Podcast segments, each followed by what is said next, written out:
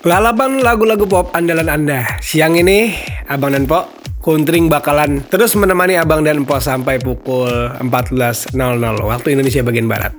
Sebelum gue berlanjut, sementara gue akan membacakan artikel yang ditulis oleh Muhammad Ramli yang berjudul Pegawai KPK lolos TWK dilantik menjadi ASN pada 1 Juni 2021. Sebanyak 1.271 pegawai KPK akan dilantik menjadi aparatur sipil negara atau yang sering disebut ASN pada tanggal 1 Juni 2021. Mereka yang dilantik adalah pegawai yang lolos dalam tes wawasan kebangsaan ataupun TWK. Sementara yang tidak lolos sebanyak 75 orang. Dengan rincian 51 tidak lagi bisa bergabung dengan KPK dan 24 akan mengikuti asesmen ulang untuk menjadi ASN. TWK merupakan bagian dari proses alih status pegawai KPK menjadi ASN. Proses ini mendapat tanggapan kontra dari kelompok anti korupsi bahwa peraturan KPK nomor 1 tahun 2021 tentang tata cara pengalihan pegawai KPK menjadi pegawai ASN tidak relevan, dijadikan acuan pemberhentian pegawai yang tidak lolos asesmen TWK. Sementara menurut kelompok yang pro bahwa TWK perlu dilakukan ketika pegawai sebuah lembaga ataupun instansi pemerintah alih status menjadi ASN untuk mengukur integritas, netralitas, dan anti radikalisme. Pengalihan status pegawai KPK menjadi ASN merupakan amanat dari Undang-Undang Nomor 19 Tahun 2019 tentang perubahan kedua atas Undang-Undang Nomor 30 Garis Miring 2002 tentang Komisi Pemberantasan Tindak Pidana Korupsi. Pasal 1 ayat 6 Undang-Undang Nomor 19 Garis Miring 2019 menyebutkan bahwa pegawai KPK adalah ASN sebagaimana dimaksud dalam peraturan perundang-undangan mengenai ASN. Sejumlah pihak menilai bahwa pengalihan pegawai KPK menjadi ASN akan melemahkan independen KPK dalam menangani kasus-kasus korupsi. Menurut mereka bahwa nilai independensi KPK akan semakin terkikis akibat dari pemberlakuan konsep ini.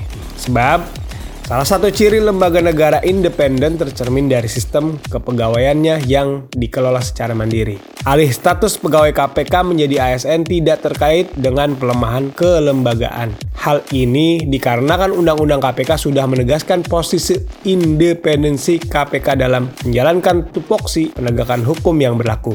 Dengan Undang-Undang KPK yang baru pun, KPK tetap independen dalam tupoksinya termasuk OTT terhadap pejabat tinggi ataupun menteri.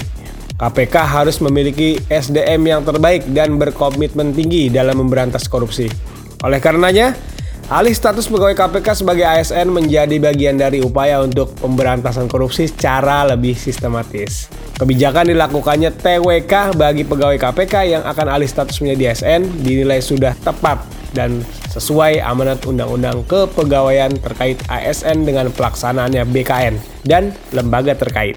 Selain itu, siapa pun yang akan menjadi ASN harus taat pada aturan hukum dan juga harus memiliki komitmen untuk setia kepada Pancasila, Undang-Undang Dasar 1945 dan NKRI.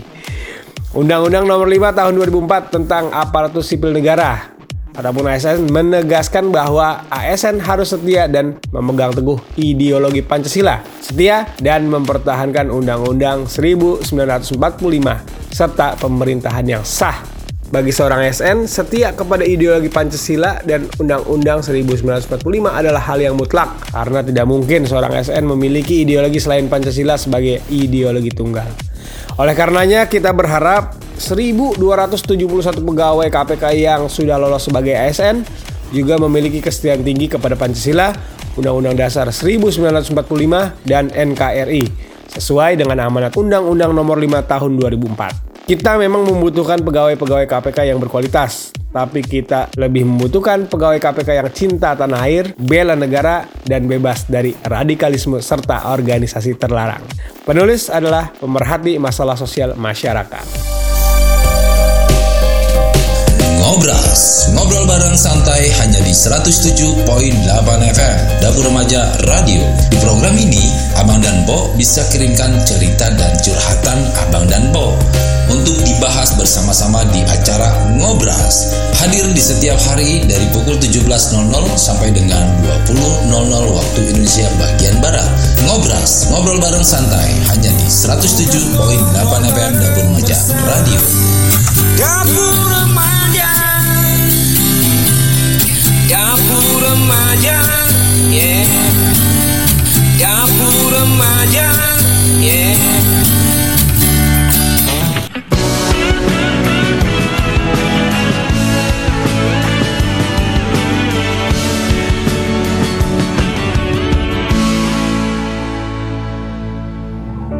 Pejamkan mata ini Mencoba untuk melu akan Segala kenangan indah tentang dirimu Tentang mimpiku. Semakin aku mencoba Bayangmu semakin nyata. Merasuki jiwa. Tuhan tolong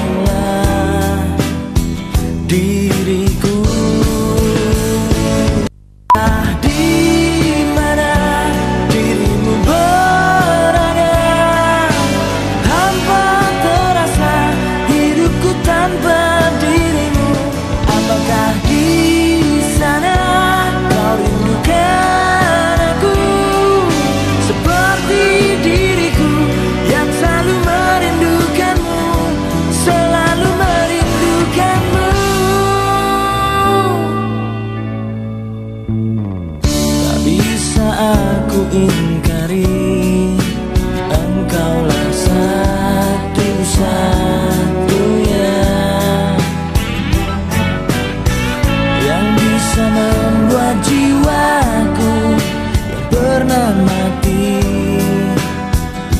Menjadi berarti. Namun kini kau menghilang.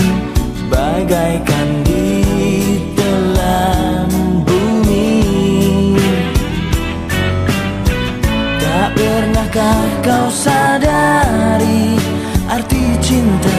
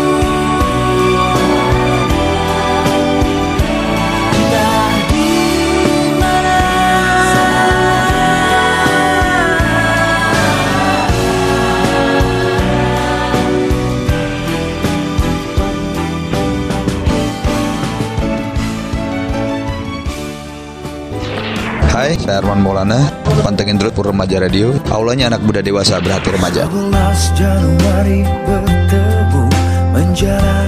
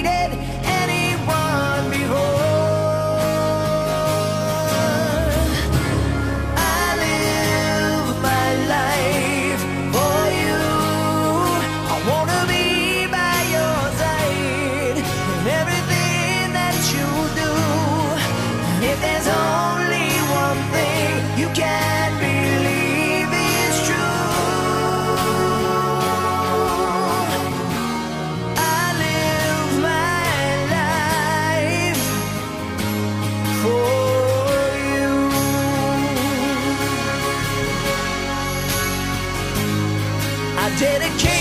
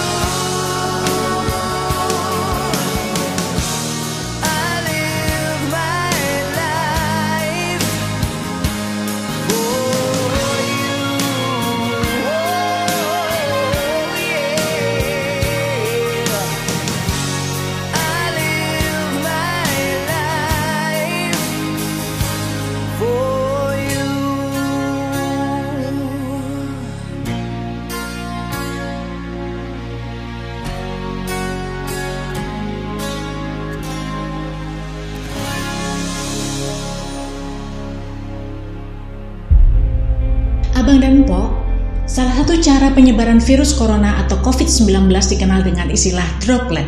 Droplet adalah penyebaran penyakit yang terjadi ketika orang sakit berbicara, batuk atau bersin, sehingga mengeluarkan partikel kuman yang kemudian berterbangan dan menempel pada mulut, mata, atau hidung orang yang sehat. Penyebaran droplet ini terbatas hanya 1 hingga 2 meter. Makanya kita diminta untuk menjaga jarak.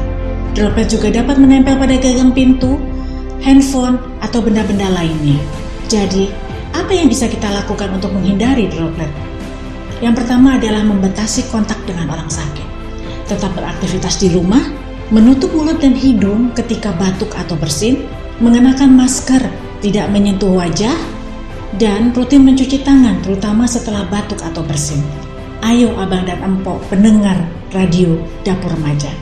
Bersama kita bisa lawan virus corona atau COVID-19 ini. Iklan layanan masyarakat ini dipersembahkan oleh Dapur Remaja Radio